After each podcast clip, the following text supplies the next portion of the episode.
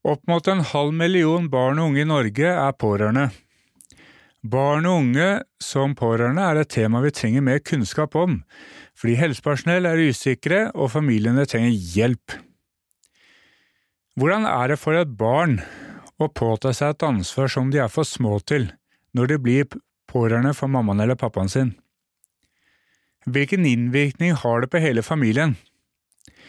Og hvilke rettigheter har barn og voksne som pårørende, og hvilken hjelp har de krav på?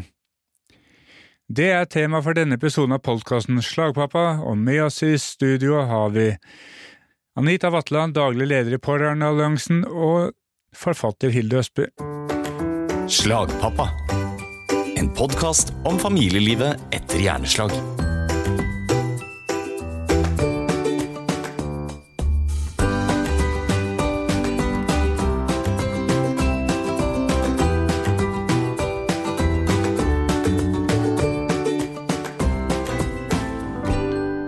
Hei og velkommen, Anita og Hilde. Takk. Tusen takk.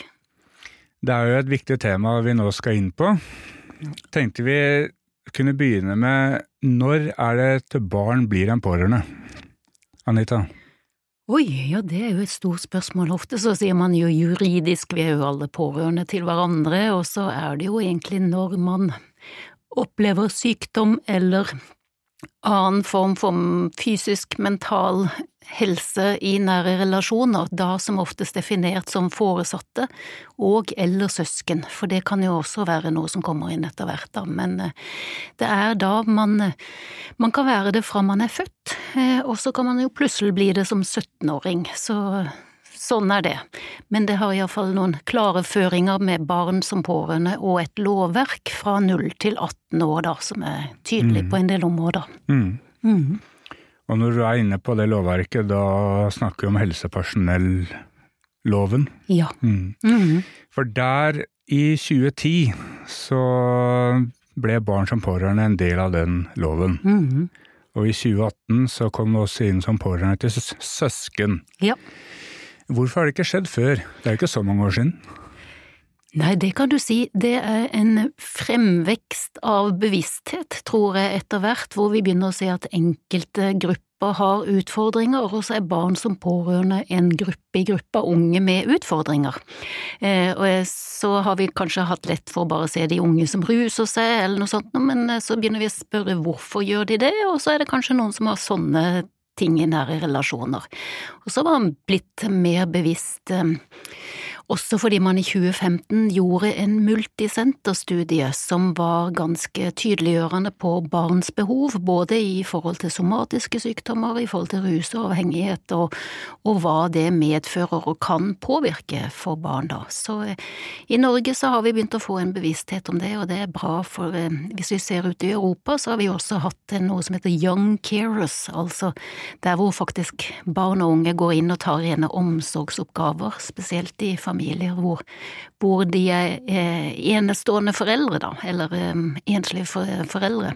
Mm. Så, så, vi ser at det kommer frem, og det er på tide. Vi har hatt mye om sorg, sorgprosesser, hva som skjedde etter at noen hadde gått bort, men det å leve med, det har vært et utydelig landskap, men heldigvis har det skjedd mye i det siste. Mm. Mm.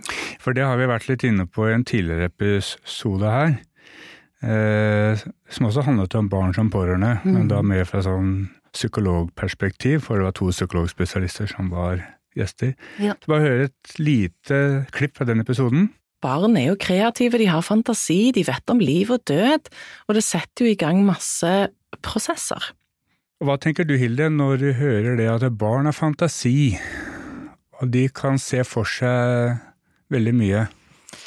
Først vil jeg si det er helt sjokkerende at barn eh, blir vurdert som pårørende først nå, og tas inn i lovverket først nå, fordi det finnes utrolig mye forskning på hva det gjør med barn å leve i et hus med alvorlig syke foreldre.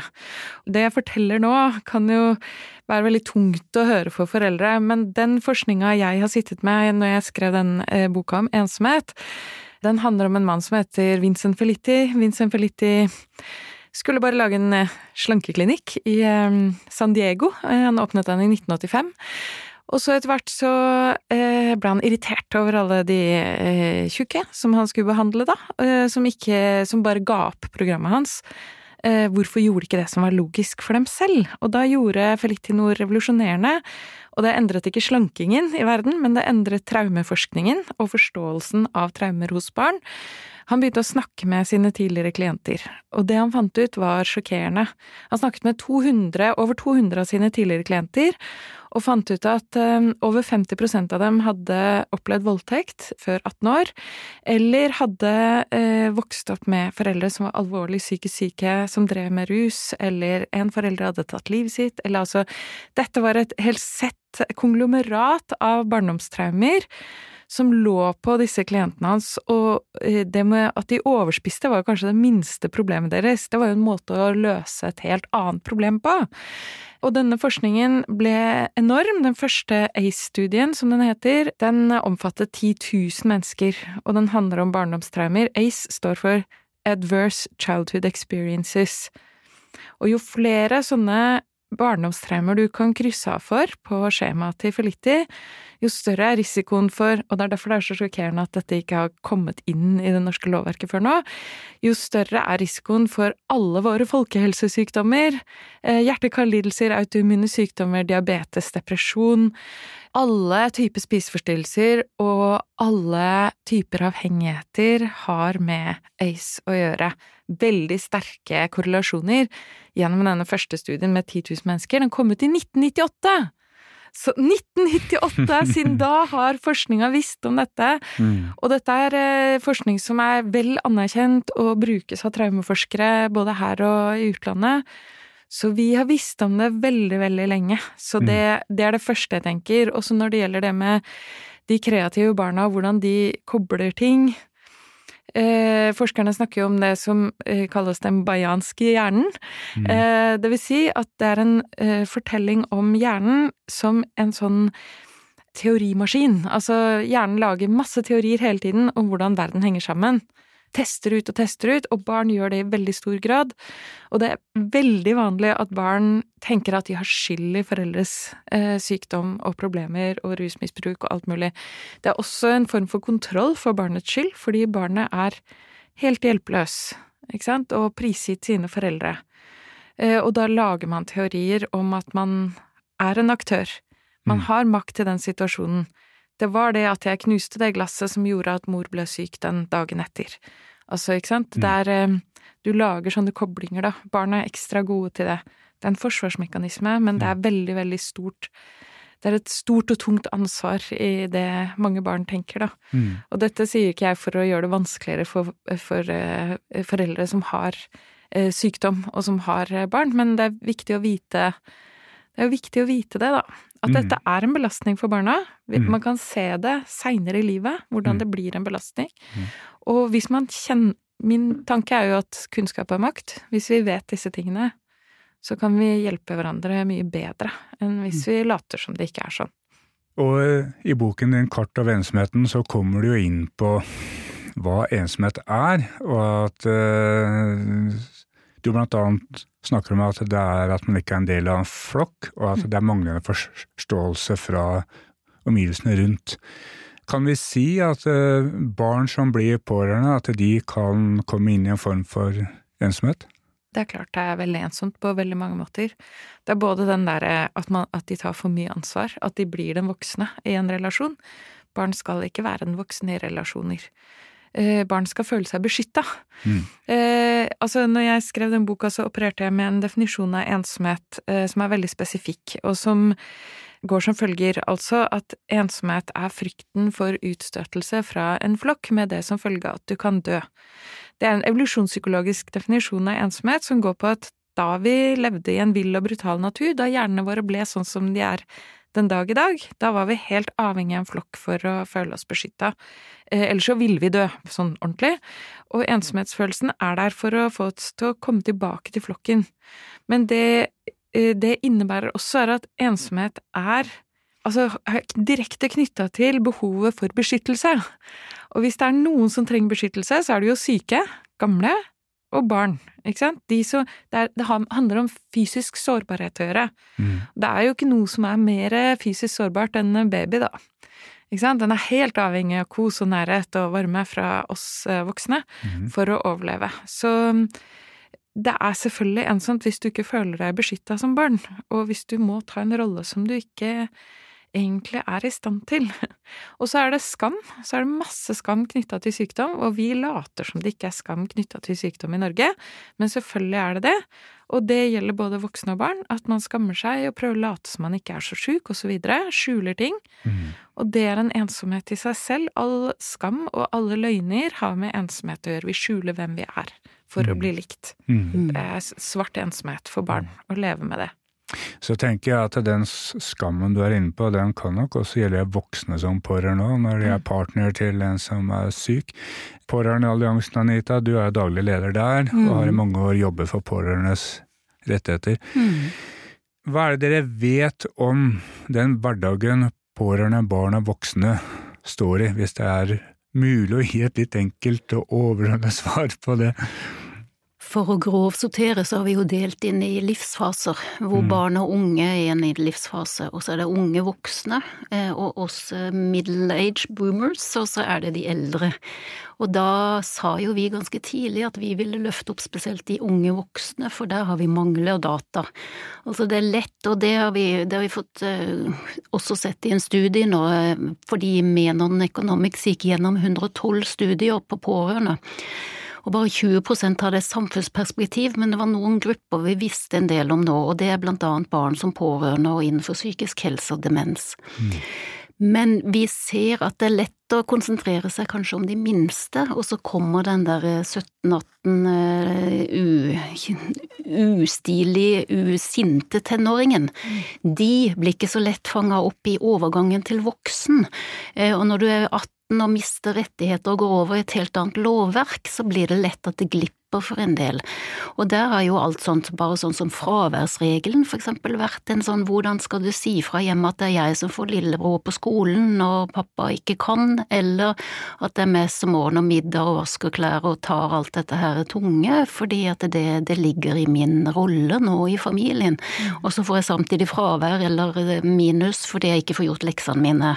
Mm. Eh, så, så, den gruppa der har vi satt eh, ekstra på kartet og sier at det, ja, de blir blir voksne juridisk, men de trenger et spor med støtte allikevel, både for egen del og for familien. For det som ligger i bunnen her, er jo lojalitet også. Jeg vil jo ikke flagge hvordan det er hjemme hos oss, og hvis jeg gjør det, så kan jeg jo miste søsken, eller jeg kan miste en omsorgsperson, eller sånne ting. Så så jeg tror det er viktig å se at storsamfunnet på en måte ser når barn og unge og unge voksne kan være i en sånn situasjon, og så, og så trenger spesiell støtte for å komme i gang med livet sitt, så ikke de blir sittende fast i noe som ikke var deres greie, da. Og så er det jo sånn som det du har representert, altså en somatisk sykdom som kan bang slå til, og den gir jo livet ofte en ny rett retning da for, eh, for, familien. Men så har du dette som kan komme litt sånn over tid, ikke sant. Eksponentielt så blir noen dårligere, for eksempel av en kreftsykdom. Og så har du de som lever i det jeg kaller litt sånn av og på-tilværelsen med med gode, mindre gode perioder, så de slapper litt av, og så vet de at å, nå er, nå er alle antennene ute, nå må jeg være den voksne igjen, ikke sant. Og så har du de som da også får et stort barn som pårørende søskenansvar, for eksempel, for de ser at mor og far er slitne. Så ja, vi trenger forståelse for det i alle livsfaser, og så har man noen utfordringer som tilhører alle livsfaser, som vi prøver å jobbe for da å tydeliggjøre. Mm. Og skolen er jo essensielt da for barn og unge, og ungdomsskolen hvor det kanskje kan glippe litt eh, og at man blir sint, trassig tenåring, det ligger jo i, i tenåringens natur. og så kommer dette på, på, toppen, og så det, må noen skrelle ned og se hva, hva ligger bak her, da, hvis dette er en familie som ikke kommunen har oppdaga engang. Det kan jo skje. Ja, og hvis man da som barn eh, i en alder åtte-ti år kanskje, da. Mm. Så blir en av foreldrene syke. Mm. Og foreldrene blir syke på en sånn måte at dette kan vare i lengre tid. Hva vet vi om måte, hvor mye den pårørenderollen for de barna setter seg i det barnet, og på en måte har konsekvenser over flere år, eller kan det også være sånn at det kan gi slipp på et tidspunkt, at det ikke lenger er en byrde? Man har vel sett at kanskje to av 30 elever kan minst være sånn i en eh, klasse.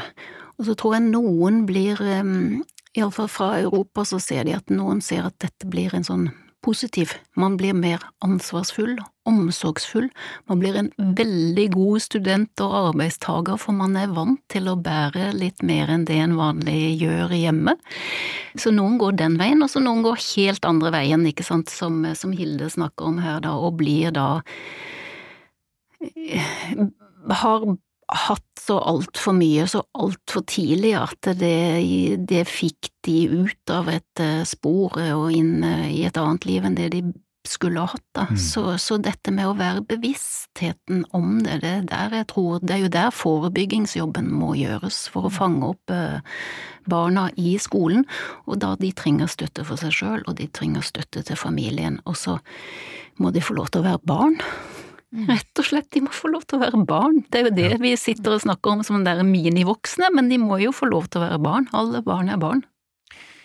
Skal se litt på hvilken hjelp er det man skal få, hvis vi i hvert fall tar utgangspunkt i lovverket, da. Den multisenterstudien Barn som pårørende fra Helsedirektoratet 2015 ble jo nevnt der. Eh, og der kom vi annet inn på barneansvarlig personell. Yep. Uh, og for en tid tilbake så lagde jeg en oversikt over rehabiliteringstilbudet i Norge innen hjerneslag, ervervet hjerneskade og afasi for LOL. Og da eh, var det 37 sykehus og rehabiliteringsinstitusjoner som ble stilt eh, samme spørsmål, det var flere spørsmål. Og 32 har så langt svart, og 20 av 32 svarte at de hadde barneansvarlig personell, men kun seks oppgir et eget tilbud, program eller oppfølging for barn som pårørende. Og at hovedproblemet er at eh, helsepersonell har berøringsangst for dette. Eh, og hva kan du si, Anita, om eh, den rettigheten man har?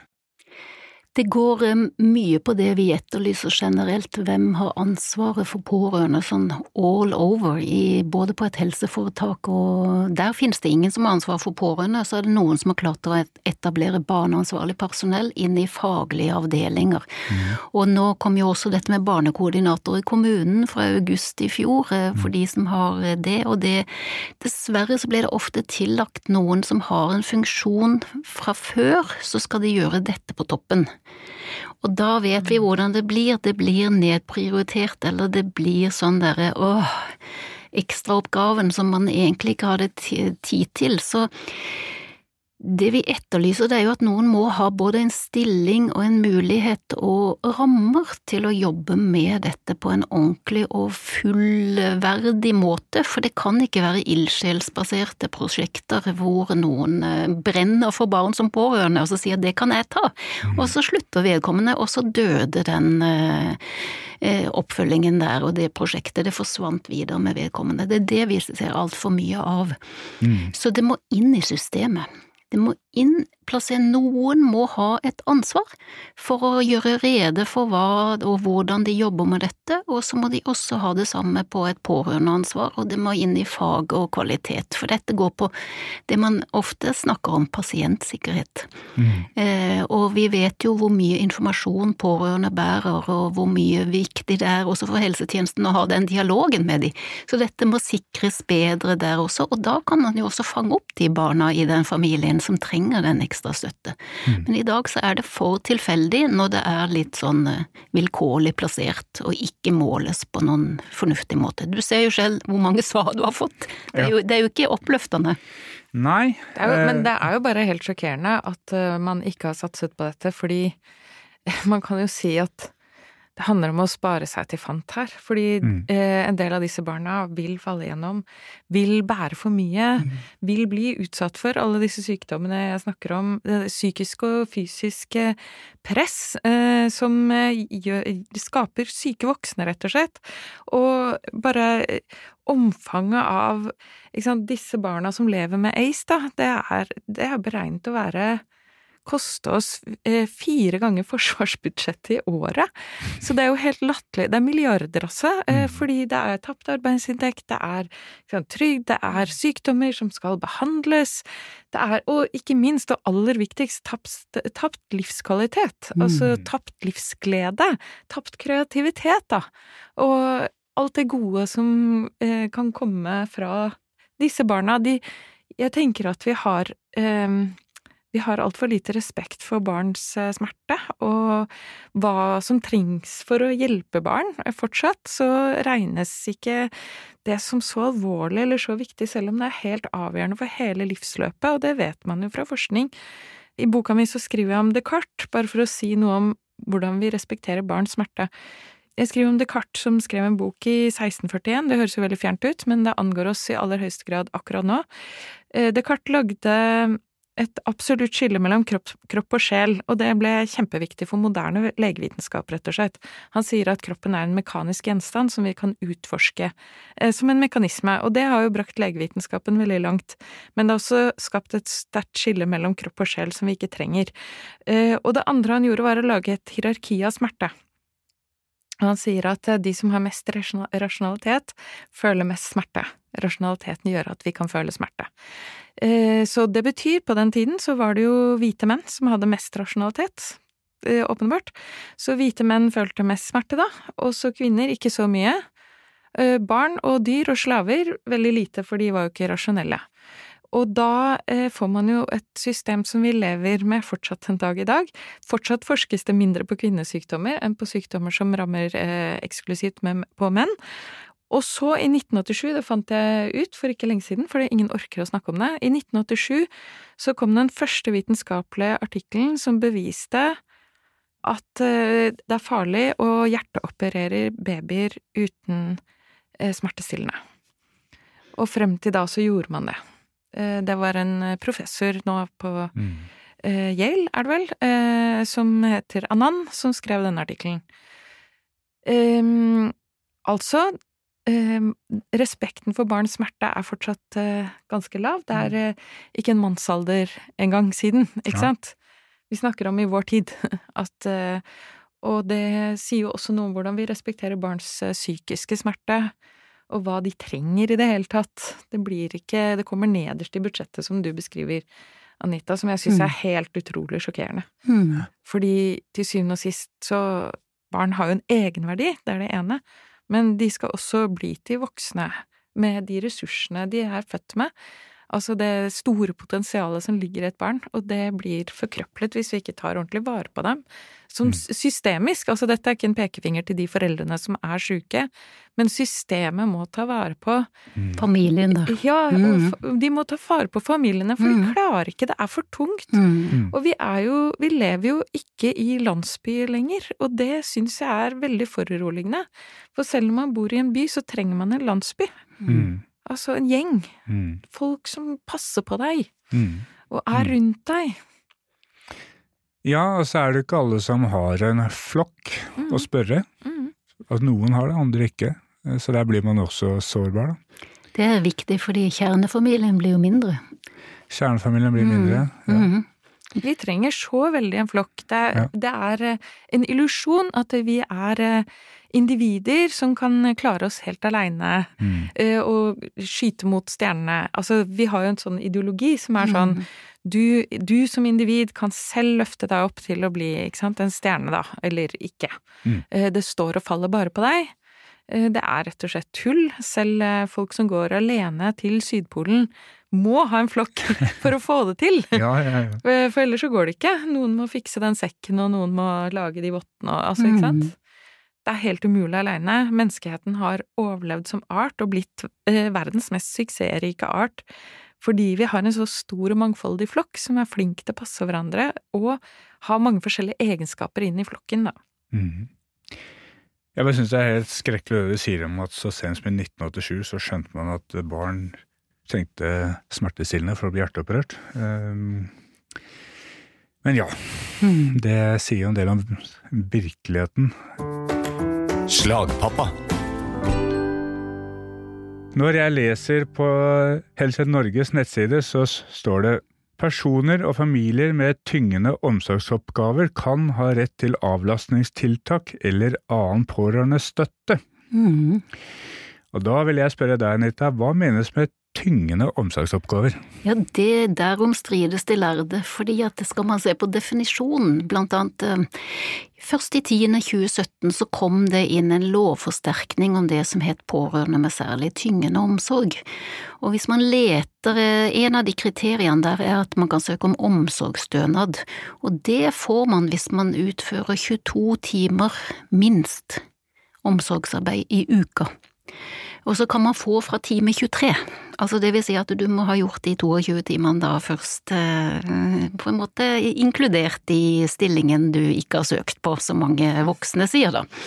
Og da forsterker de dette med at kommunen har plikt til å gi informasjon, rett veiledning og støtte, dette med avlastning, helt klart, eh, og dette med omsorgsstønad. For tyngende omsorg, da lever du med, med det egentlig 24-7, og du må jo eh, ha en pause eh, for din egen del, for familiens del, og det eh, at man står i noe sånt nå, at man kan få tatt seg av det barnet som da plutselig har fått en annen syk forelder, eller at et søsken kan få lov til å være alene med mamma og pappa, ikke sant, når de bruker full fokus eh, på det andre søskenet.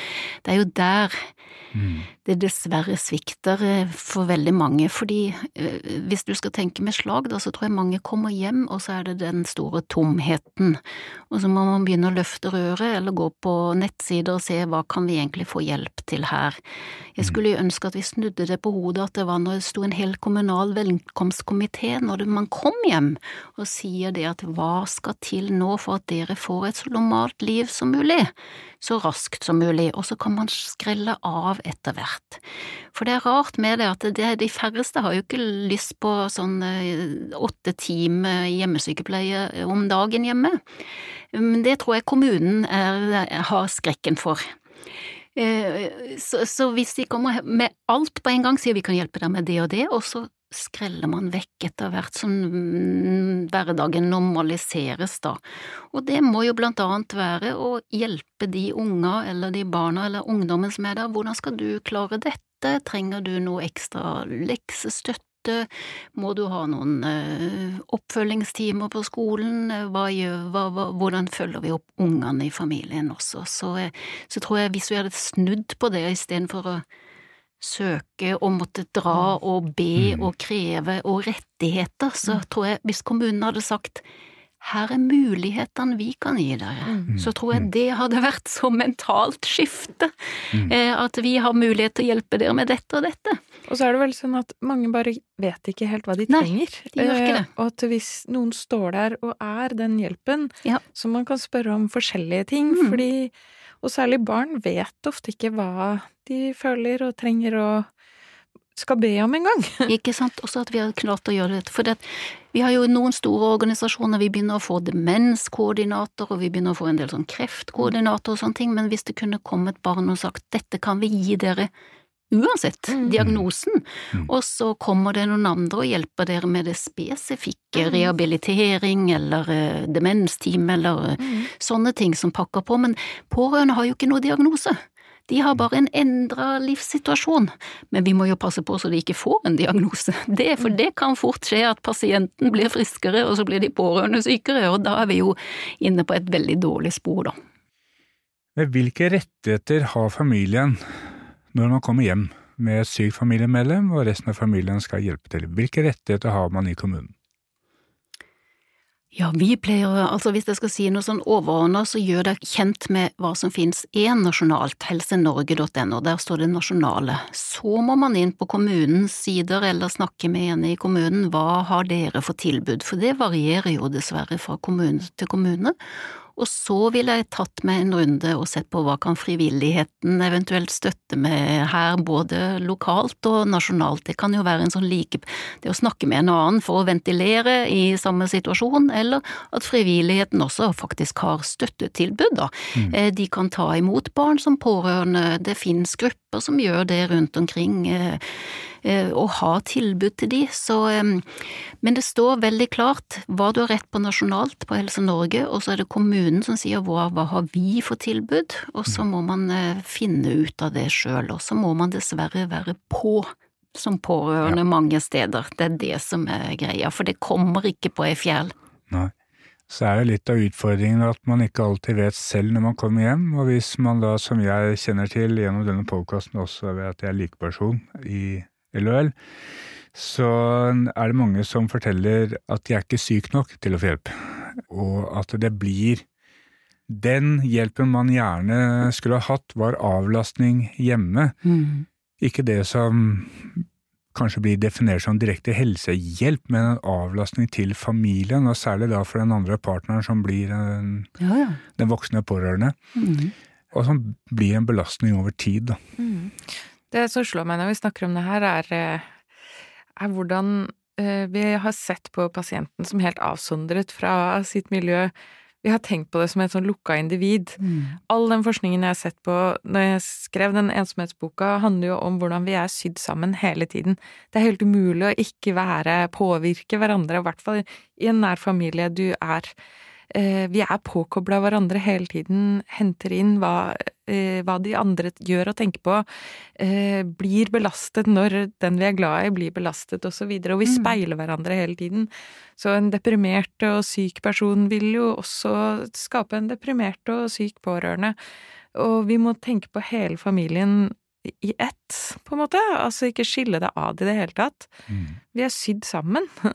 Det er et sånn lite økosystem og så mm. en liten symbiose, altså den ene er avhengig av den andre, men det, det er jo veldig mange pårørende som bryter sammen når de får det spørsmålet hva trenger du, mm. hvordan har du det nå? Det er jo mm. da knekken sier kommer for en del, fordi at de sier åh, det er ingen som har spurt meg om det, så eh, den symbiosen må jo ikke være sånn at man er siamesiske tvillinger, for man er mm. to forskjellige, eller en familie med forskjellige behov, for noen noen av barna virker tilsynelatende å ta dette greit, andre blir jo introverte, noen utagerer, så vi må se dette som individer mm. og et samspill, som Hilde sier her nå, mm. det, er, det er viktig. Og så kan jo Behovene varierer. Det er forskjell på en femåring som da kanskje blir en tiåring med samme situasjon, og så blir det en 15-åring, ikke sant, og så, mm. Eh, så, skal de i gang med sitt eget liv, hvis, og hvordan skal de få hjelp til det? For det du snakker om i stad med utenforskap også, har vi gått ned i ung ufør-statistikken for eksempel, og sett hvor mange som kan ha med seg en sånn situasjon som gjorde mm. at de fikk ikke fullført videregående skole, og det vet vi jo er nøkkelen nøkkelen for å få kommet i gang med enten jobb eller studier etterpå, det å komme seg gjennom VGS og inn i, inn i livet, og der tror jeg det, det, må gjøres en mye større innsats også fra politisk hold. Mm. Nå har de kommet med en sånn ungdomsgaranti, og de må, den må også omfatte denne gruppa her, som er en gruppe i gruppa. Mm. Mm. Når vi er inne på hvilken hjelp pårørende skal ha, eller har rettighet på å få. Hva er det som mangler av type hjelp? Oh. Eller er det veldig mye? Nei, det tror jeg du kan spørre om. Altså, det er jo veldig pårørende. Kommunene må jo ut og spørre. Fordi at de, de, tror jeg sitter med noen rigide systemer. Dette var aktuelt på 80-tallet, eh, 90-tallet, men hvis de går ut og spør litt jevnlig hva trenger dere, mm. hva trenger dere nå, hva ønsker dere også, så tror jeg de må koble seg. Mange kommuner er små, de har faktisk ikke ressurser til å gjøre så veldig mye. Det er jo utfordringa litt i Norge fremover, så tett samarbeid med frivilligheten. Mm. og klubbtilbud, lokale tilbud som kan ta støyten, som kan ta vare på en del av disse barna inn i organiserte aktiviteter. Mm. Det tror jeg er en eh, viktig eh, nøkkel fremover, så der må gis midler til at de, de kan være med å avlaste kommunen, og de kan fortere hive seg rundt enn det vi vet at en kommune kan gjøre, da. Mm. Så jeg tror vi trenger et mangfold, tror jeg stikkordet her, mangfold av tilbud. Mm. Og så må vi selvfølgelig ha gode fagpersoner plassert, både i spesialisthelsetjeneste og som en ressurs for kommunene Mm. eh, å trekke på. Og så, så må vi snakke mer om det også. Det bør inn i skolen. Eh, Opp i skolen, så det at folk skjønner at her kan det være noen som har en sånn situasjon hjemme. Mm. Jeg må bare tenke på min egen ungdomsskole, hvor jeg nå i ettertid ser at ah, det var sånn det var. Det var derfor han alltid kom uflidd. Det var derfor han alltid var kjeftete og den eh, nebbete. Men det var også derfor jeg møtte han med panteflasker på butikken, og han kjøpte ikke godteri som oss andre, han kjøpte mat. Altså, det er sånne refleksjoner man har gjort seg i ettertid, at det var greia, liksom. Og folk, eh, dette med livslæring inn i skolen, at folk kan ha forskjellige hjemmesituasjoner, tror jeg også er, eh, er ganske viktig, da. Det går jo på økonomi og hele dette med å bli litt mer robust og litt mer forståelsesfull for hverandres utfordringer. Mm. Det er jo fortsatt altfor lite kunnskap om hvilke signaler barn sender ut. Ja. Er mitt inntrykk, da. Altså, barn signaliserer jo hele tiden. Eh, For de kan ikke si noe ofte, for de er lojale, som du snakket om tidligere. Eh, Barn er lojale, eh, og særlig overfor sine nærmeste eh, da. Og da er det bare signalene de sender ut. Og noen blir utagerende og ikke så hyggelige. Det er jo også mye av den forskninga jeg ser på i den ensomhetsboka, handler jo om nettopp det. Altså, man blir ikke den Man blir ikke sjarmerende. Man blir ikke Man har ikke det ekstra giret. Man har ikke så mye ekstra å gå på, egentlig. Og da For mange så betyr det at man får ikke være sitt beste jeg. Mm. Så du er ikke det søteste barnet på skolen. det, er, det er så eh, grusomt som det. Og mm. barn som lever med sånne belastninger, livsbelastninger, er også dessverre, og det er helt forferdelig å si det, men de er også eh, mer utsatt for mob mobbing enn andre barn. Altså de er mer sårbare for mobbing. Så da får man enda en belastning på toppen. Det er det som er tydelig. Eh, Det er eh, Matteus-prinsippet. Den som har lite, får mindre. Den som har mye, får mer. Mm. Og det er så vondt, da, at det er sånn. Og jo mer vi vet om det, og jo mer lærerne kan klare å se de barna med en gang Sånn, oi, der er det noen. Oi, der ser jeg det. Der ser jeg de tegnene. Mhm. Nå ser jeg det. Og veldig ukonsentrert, ja. Var ikke det for et år siden. Du blir ukonsentrert og redd hvis du går hjem og er bekymra for foreldrene dine. Mm. Altså bare er bekymra for uh, hvordan helsa deres er, så vil det påvirke konsentrasjonen og eh, det siste du trenger, er jo kanskje å bli kjefta på på skolen for at du gjør det dårlig. Mm. Det du trenger da, er kanskje omtanke. Mm. Så for å oppsummere litt, så mer faktabasert kunnskap, mer eh, samhandling eh, i helsevesenet. At man ikke bare ser på pasienten isolert, men også inkluderer eh, familien som helhet. Mm. Eh, og mer åpenhet. At vi snakker mer om det. Setter ord på at vi kan leve forskjellige liv i samme samfunn. Og komme mer tilbake til flokken. Vi trenger alle en flokk. Så da er det egentlig bare for meg å si takk for at dere kom, Hilde Østby og Anita Vatland. Tusen takk for at jeg fikk komme. Takk for at vi fikk komme. Mhm. Er det noe du lurer på eller ønsker at vi skal ta opp i denne podkasten, send meg gjerne en e-post eller melding på Facebook eller Instagram. Du finner Slagpappa på Facebook og Instagram og på slagpappa.com. Podkasten er produsert av Megahouse Studio i Oslo og laget i samarbeid med LO Allianslag og Afasi. Prosjektet er støttet av stiftelsen DAM. Mitt navn er Martin Aasen Brikt.